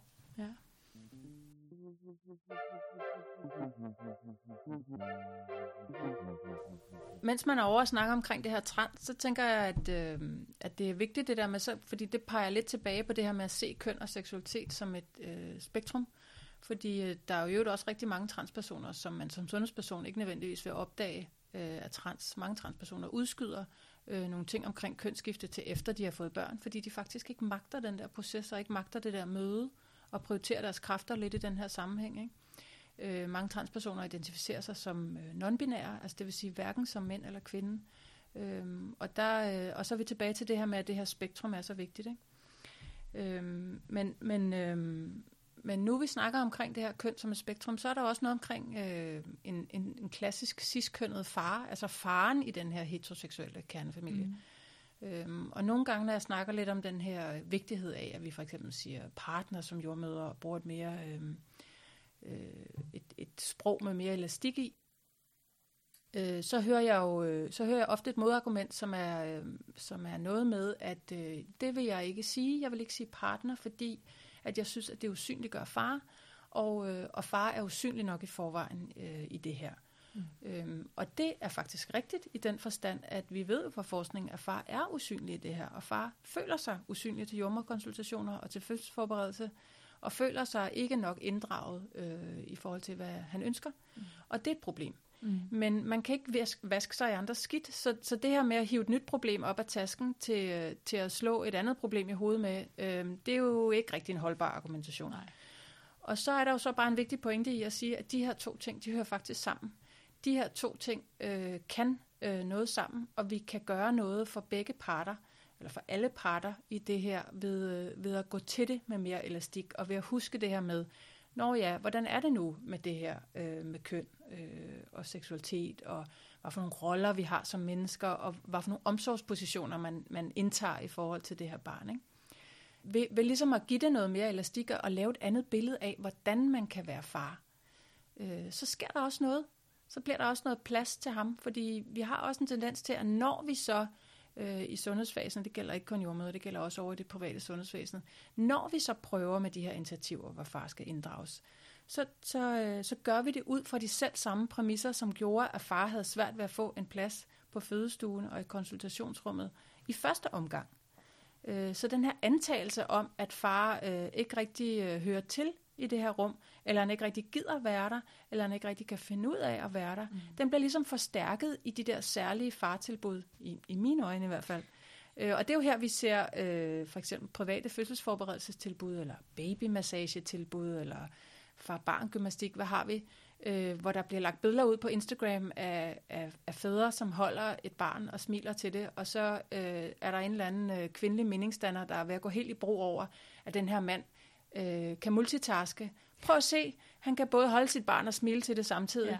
Det er delmer så kognitivt fantastisk, så vi kan slet ikke være i det, og vi må blæse det ud over hele Instagram. Ikke? Jeg tænker også, at den der app, du beskrev, var et ret godt eksempel, fordi der har man tænkt, så nu laver vi en app til fædre, mm-hmm. øh, hvor er vi inkluderende, og hvor er det fantastisk, men så er den bare øh, super fordomsfuld, at de her mænd, de vil hellere drikke øl og øh, ja. fodbold, og øh, hvis vi på en eller anden måde kunne sammenligne øh, fødslen med en fodboldkamp, så ville de rent faktisk kunne forstå, hvad det var, der foregik. Ja, Øh, og det, øh, det er jo et problem, fordi man samtidig får sagt, at de, I skal være med, men I er nok på den her måde, så vi går ikke rigtig ud fra, at I egentlig gider være med, og vi skal nok finde på noget, trække noget helt særligt op af hatten, for at I gider være der. Altså vi ser jo også eksempler fra sundhedsplejersken ude omkring kommunerne, hvor man har sundhedsplejetilbud i skydeklubber, for eksempel med griller, fadøl og pølser. Ja. Øh, altså sådan den her antagelse om, om det er sådan vi, øh, og det vil jo helt sikkert ramme nogen, ja, altså, men, men man får også talt ned, ja. til nogen på en måde. Ikke? Når vi kommunikerer til fædre, så foregår det sådan i bullets og med store bogstaver, og der er ikke alt for meget med det der føle-føle og psykologi, fordi det antager vi simpelthen er moderne mænd i dag, det gider de faktisk overhovedet ikke. Det interesserer dem slet ikke. Jeg får lyst til at indskyde, at jeg sent som i går var på en, øh, en bar i København, hvor de har simpelthen en barselsøl. Ja. Altså, og ja. hvor der er, ja. Til hvis fædre er på barsel og lige har brug for en øl. Ja, ja. Okay. og der har vi har jo mod, vi har et modsvar, ikke? og det er, det er champagne Altså champagnebarselscaféer, der har ja. vi jo nogle steder her i København, ikke? Og det er sådan mor til de lidt lette bobler og de høje, tynde glas, og far til de store fadølsbamser. Nej, jeg har slet ikke hørt om de her ting. Det er meget... Øh, der er i hvert fald noget med det her med, at vi holder fast i en stereotyp, mm. samtidig med, at vi forsøger at inddrage. Altså det er faktisk stereotypen, som vi forsøger at inddrage, ja. og, og ikke far, øh, eller, eller det de menneske. mænd, som vi ja. ser i dag. Ikke de mennesker, som vi ser i dag. Det er ikke en, en anden primær omsorgsperson øh, som vi forsøger at tale til, det er, det er en stereotyp af en far. Øh, og der er, altså, der findes andre tendenser. Altså, jeg synes, øh, sådan en som Svend O. Madsen og mm. øh, Thomas Skov, jeg synes, der er, der er stemmer, der taler lidt op imod mm. det der og udfordrer det. Øh, men der er også mange tiltag, også fra jordmødre, som taler direkte ind i den der. Ja. Og det, øh, det tænker jeg ikke gør noget godt for nogen. Nej. Og det er jo til, kommer jo lidt tilbage til, og det er i hvert fald det, jeg sådan hører, når du siger det, den der med, at få, få jeg synes, det er så fint ord, det der med, eller ordspil med, at få indlagt elastik i det hele, ikke også? Altså bare mere elastik. Mm. Så både når det gælder køn, og når det gælder forældreroller, og når det gælder seksualitet, mm. altså det der med sådan at tillade ting at være mm. anderledes, end det vi måske, de bokse, mm. vi måske går rundt og tror, at folk kan passe ind i, mm. ikke også? Og sådan åbne dem op og sige, møde mennesket og sige sådan, hvad, hvad er dit behov egentlig, mm. som, som far for eksempel, mm. Mm. Øh, og hvad vil du gerne ja. i det her? For der er noget sjovt i det her med, at vi på en måde som samfund anerkender, at mænd har svært ved kriser. Altså vi ser jo også, at mænd går på røven øh, ved skilsmisser i et omfang, som kvinder slet, slet ikke gør. Øh, I det hele taget ved udfordringer og livskriser, at mænd går ned på en anden måde, end kvinder gør. De kommer altså ikke sådan lige ovenpå igen. Der er noget med mænds, øh, mænds øh, psykiske sundhed her, som, øh, som vi heldigvis har fået mere fokus på. Men jeg tænker, at den her måde at etablere en farerolle på, faktisk taler ind i det her. Hvis ikke vi har en forventning om, at mænd selvfølgelig kan være primære omsorgspersoner, fuldstændig på linje med kvinder, at de selvfølgelig har de samme kvaliteter og egenskaber og følelser inden i sig, øh, men at de måske skal løftes mere ind i det, fordi at de jo også kommer, ligesom kvinder kommer med 30 år ind på fødestuen, og det hele er knippet sammen, og vi siger, bare slap af så kan man heller ikke bare komme ind i det her faderskab som far, og så siger vi, nu skal du bare føle føle og vise omsorg, mm. og, og gøre alle de her ting, og være i den her nære kontakt med det her øh, meget intense spædbarn. øh, og du skal bare slappe af og lade dig rive med og sådan noget. Ikke? Altså, vi er jo virkelig op imod nogle kønskarikaturer, som vi så pludselig siger til folk, at de skal opløse. Ikke? Så, så der er jo noget med, hvis vi selv ligesom fortsætter den der karikatur og antager, at mænd ikke har de her følelser, og faktisk ikke mestrer det her med at være sammen med et lille barn, jamen øh, så kommer vi ikke til at kunne løse det. Og måske særligt det der med at gøre det i sådan en ironisk distance til det. Ja. Altså, så, vil vi, så skal vi jo hellere snakke om netop det, du siger med sådan, det kan godt være svært ja. at være primær omsorgsperson Ja. for en mand, fordi det er ikke det, du har lært op gennem dit liv. Nej. Du har ikke, øh, du ved, blevet opfordret til at lege med dukker, eller, Nej. altså, det er ikke det, du er blevet indført i, Nej. i gennem, dit, i, gennem det samfund, du er en del af. Øh, det betyder ikke, at du ikke kan. Nej. Men det kan godt være, at der er nogle ting, du skal tillade dig. Ja. Og det har vi fuld tillid til, at du kan. Ja, Men- men, lige præcis. men det- det, Fordi det er derinde et sted, og nu Ja, hjælper vi dig ligesom lige med at, øh, at få noget inspiration til, hvordan man kan gøre det. Og i øvrigt kan man jo, altså der er jo heller ikke, der er jo også et eller andet med, at, at det er jo også, det er jo i den forstand rigtigt, at det er en kvindeverden, mm. og jordmorfaget er et kvindefag, og barselsområdet og fødselsområdet er et kvindeområde. Altså det er måske faktisk den eneste kvindeverden, som mange mænd nogensinde træder ind i. Øh, og det er jo vildt interessant øh, i den forstand, at det her kvinder og kvindekrop fylder enormt meget. Men det her med, jamen omsorg, det kan vi alle sammen. Mm. Altså det kan vi virkelig alle sammen. Og så er vi tilbage i det her med at tale øh, til mennesket i os frem for kønnet. Selvfølgelig kan du det. Ja. Ja. Selvfølgelig kan du det. Og det er jo også noget med at sige til kvinderne, hey, der er ikke én model her. Man er ikke nødvendigvis en god far, fordi at man øh, knapper en body på en bestemt måde, eller ved, hvordan man lige skal vikle en stofblæ, eller få nogen til at holde op med at tude efter to timers skrigeri. Altså, det er ikke nødvendigvis det, det handler om. Øhm, og det her med ligesom at udfordre folk på, at alle kan vise omsorg for et lille barn. Så vil vi også se nogle fædre, som havde været mere på banen i forhold til skilsmisse. Og en ting er, at vi ved jo øvrigt også, at det her øget ligestilling i det heteroseksuelle parforhold, det giver længere parforhold. Det, det, der er et dyk i skilsmissestatistikkerne. Vi ser mænd, der er mere på banen og har nære relationer til deres egne børn. Men der er jo ikke rigtig nogen forbilleder, og det kræver ligesom, at alle skal indstille sig på det her, og så skal vi simpelthen holde op med at tale ned til mænd, som om de var idioter. Ja, Totalt meget. ja Og så snakker vi ikke om det. Altså. præcis. Åh.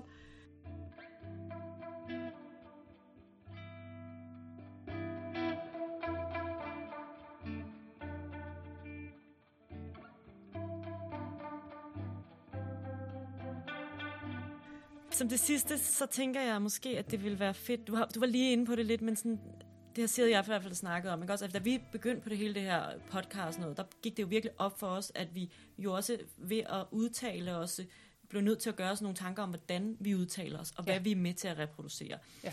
Øhm, så både lidt i lyset af det, altså måske øh, som, altså sidder jeg som podcaster, men selvfølgelig også som jordmøder, mm. kunne vi måske godt tænke os, om du har nogle gode råd til, sådan, hvad, hvad du ser er vigtigt. Jeg skal lige bøvses af. Ja, det skal du gøre. Mm. ja, det skal du gøre. Giv slip. ja, det var virkelig sådan en rigtig jordmar. Ved du hvad, du skider bare løs. Det er så fint. Find ud af det. Jeg lægger ikke mærke til det. Løgn. Jamen, jeg tænker jo, at øh, jeg tænker jordmøder på linje med andet sundhedspersonale. Vi mangler noget, øh, vi mangler noget viden og noget fokus og nogle værktøjer omkring køn og seksualitet og minoriteter i det hele taget, Mm. øh, faktisk. Øh, og det vil vi alle sammen have gavn af. Og det ser ikke ud som om det er lige om hjørnet. Så, og så er der noget med også ligesom, at vi kan også angribe det her fra andre, øh, fra andre måder. Og en rigtig vigtig pointe i det her er jo, at øh, man kan nå rigtig langt med meget lidt, og med meget lidt, der mener jeg sprog. Det er der, hvor man virkelig kan gøre en, øh, en forskel i sin dagligdag som jommer, og så kan man jo prøve at presse lidt på i forhold til materialer og hjemmesider og brochurer og øh, hvad har vi. Øh, det kan være både til ledelse, eller man kan skrive til dem, der laver de her brochurer og spørge, hej hej, skulle vi prøve at få nogle andre end nogle hvide, heteroseksuelle, mm. tynde mennesker på, øh, på billedsiden af de her ting, ikke? Mm. Øh, men, men man kan nå langt med sprog, og, øh, og så er vi lidt tilbage til det her med ligesom at prøve at reflektere lidt over, okay, hvad... Øh, jeg, jeg er jo glad for det her normkritik som værktøj, og, og synes, at det er meget brugbart i en sundhedssammenhæng. Og øh, der er sådan nogle forskellige, øh, der er nogle forskellige lag i det, men som udgangspunkt, så er det godt ligesom at starte med at involvere sig selv. Det er svært at arbejde normkritisk, uden at man har sig selv med, og det er faktisk også det, der gør det rigtig sjovt og interessant. Øhm, og der kan man starte med lige at prøve at kigge på, jamen, hvad har jeg selv for nogle identiteter? Hvad er vigtigt i min identitet? Øh, hvad er mit køn? Hvad er min seksualitet? Hvad er min seksuel praksis? Det hænger ikke nødvendigvis sammen. Hvad er mit kønsudtryk? Hvad er min hudfarve? Hvad for en kropsform har jeg? Øh, hvad for en kropsfunktion har jeg? Har jeg nogle kroniske sygdomme, der nedsætter min funktionsevne? Øh, hvad for en social baggrund kommer jeg hjemmefra? Er jeg første i familien, der tager en uddannelse? Øh, kommer jeg fra en lægefamilie? Altså, der, der er nogle ting, man kan reflektere lidt over der. Hvordan ser mit private liv ud? Øhm, og så ligesom kigge på, hvordan former de her normer min faglighed? Hvordan spiller det egentlig ind på min faglighed i, hvordan jeg går til tingene som jommer i min kliniske praksis? Øh, og næste niveau er det også at kigge på sit fag øh, og eller sin arbejdsplads. Hvad for nogle normer har vi egentlig på arbejdspladsen? Mm. Der snakker vi jo meget om normer øh, i forhold til andre ting i jordmorfaget. Det kan være igangsættelsespolitik eller retningslinjer i forhold til penicillin eller vandafgang og hvordan man føder, hvad er en naturlig fødsel, hvad en rigtig fødsel, hvad en god fødsel. At man får kigget lidt på de her normer, hvad, hvad spiller egentlig ind her? Hvornår er det, vi begynder at se os selv sidde dernede i personalstuen og viske om dem inde på stue 8? Hvad er, det, hvad er det, der kommer i spil, når vi pludselig synes, at dem inde på stue 8 skiller sig ud? Og så få kigget lidt på, hvem er det, der slår sig på de normer, der er stærke her i mit fag og på min arbejdsplads? Hvem falder uden for de normer? Det er jo det, der kan være en svær øvelse, mm. fordi man ikke selv kan se normer, når man passer ind i dem. Så det er det, der kræver sådan lidt mere refleksion, og igen er det også det, der er det sjove faktisk, mm. fordi man udvikler sig helt uundgåeligt imens, og det er rigtig vigtigt med mm. den her udviklingsproces. Øhm, så det kan være en måde at gå til det på. Og noget, som øh, øh, er, er meget sådan stærkt redskab i at forstærke normer, det er jo netop vores sprog. Øh, så det er det der med han og hun og mor og far og øh, kvindekroppe og øh, hvad, for nogle, hvad man nu bruger. Om man siger man kønsorganer, siger man kønshormoner, siger man kusse, siger man øh, underliv. Altså jeg ved ikke, hvor mange jordmøder, der siger det der, må man sige, øh, ret upræcise dernede. Mm. Øh, ja. Der følger vi jo desværre de fødende i det mm. sprog. Ikke? Er jeg gået i stykker dernede? Nå, men hernede ser det fint ud. Jamen, altså, Ej, hvor synes, nede? Synes, altså, har de flækket negl, eller hvor er ja, det, de skal syes? Vi ja, ved ikke. Ja. Der er noget med det her sådan meget ja. upræcise, og så ja. går det jo ligesom op for en... Øh, der, der kan være noget, øh, tykkhed er også et rigtig godt eksempel, for eksempel, ikke? Altså, der har vi, mm. har en masse retningslinjer, og det, det, jeg synes, at det bliver tydeligere og tydeligere, at nogle af de retningslinjer, de bunder faktisk ikke rigtig i noget evidens, som vi Nej. kan forsvare og handle efter, vel? Det synes ikke øhm, igen. Vi har BMI som et, uh, som et værktøj, som vi bruger, og, og det her BMI er et godt eksempel, fordi det er et klinisk værktøj, øh, og, og samtidig så er det simpelthen det er et værktøj, vi har inde i hovedet. Det er også noget, vi leger.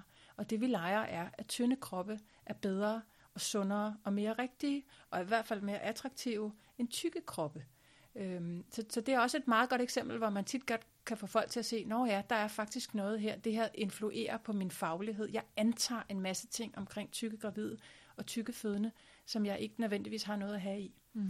Øhm, så, så det her med at ligesom prøve at lave sådan en mapping af, hvad er det for nogle normer, hvad er det for nogle identiteter, og hvem er det, der ikke er med i det, og hvad sker der? Mm. Og det kan man også bare opsummere til ligesom at sige, hvor er magten? Mm. Hvor er magten i rummet? Hvor er magten ja. i fadet?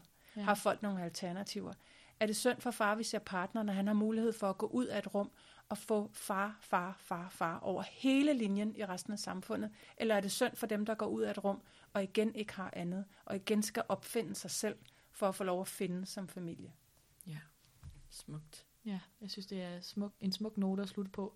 Og også meget af det, som er en del af vores projekt, Frede, når vi laver den her podcast, at, at blive bedre og bedre. Og det er jo ikke en nem proces, og heller ikke nødvendigvis altså en køn proces, fordi man jo så opdager de ting, man har gjort. Man opdager, hvad man har haft for nogle fordomme, og man opdager også, hvordan man har snakket. Altså, vi kan jo høre forskel på de episoder, vi har optaget til at starte med, og de episoder, vi optager nu, hvilket sprogbrug vi selv har. Mm-hmm.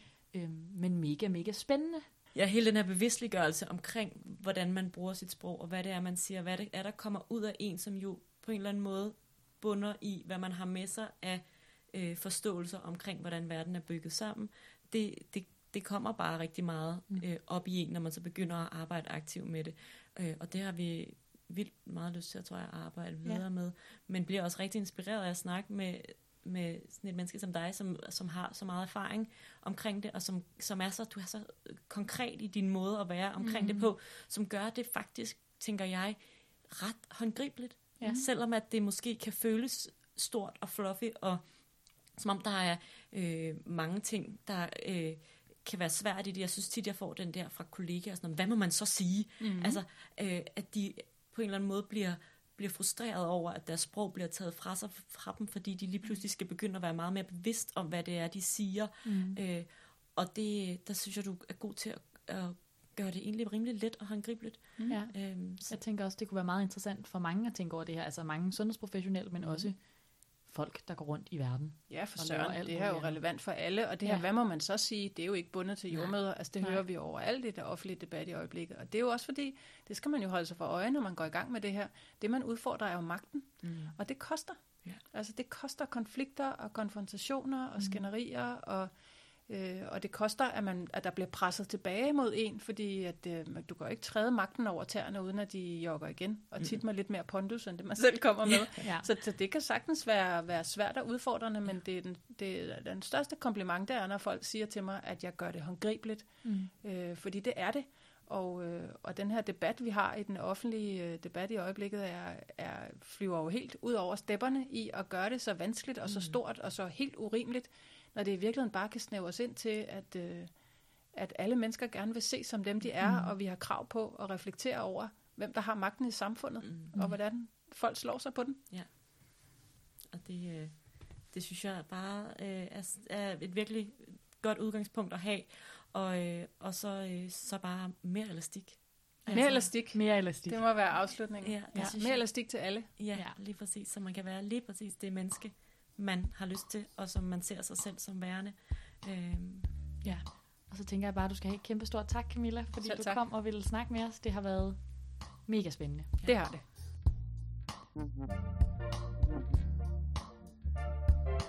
Du lytter til Fødselskanalen.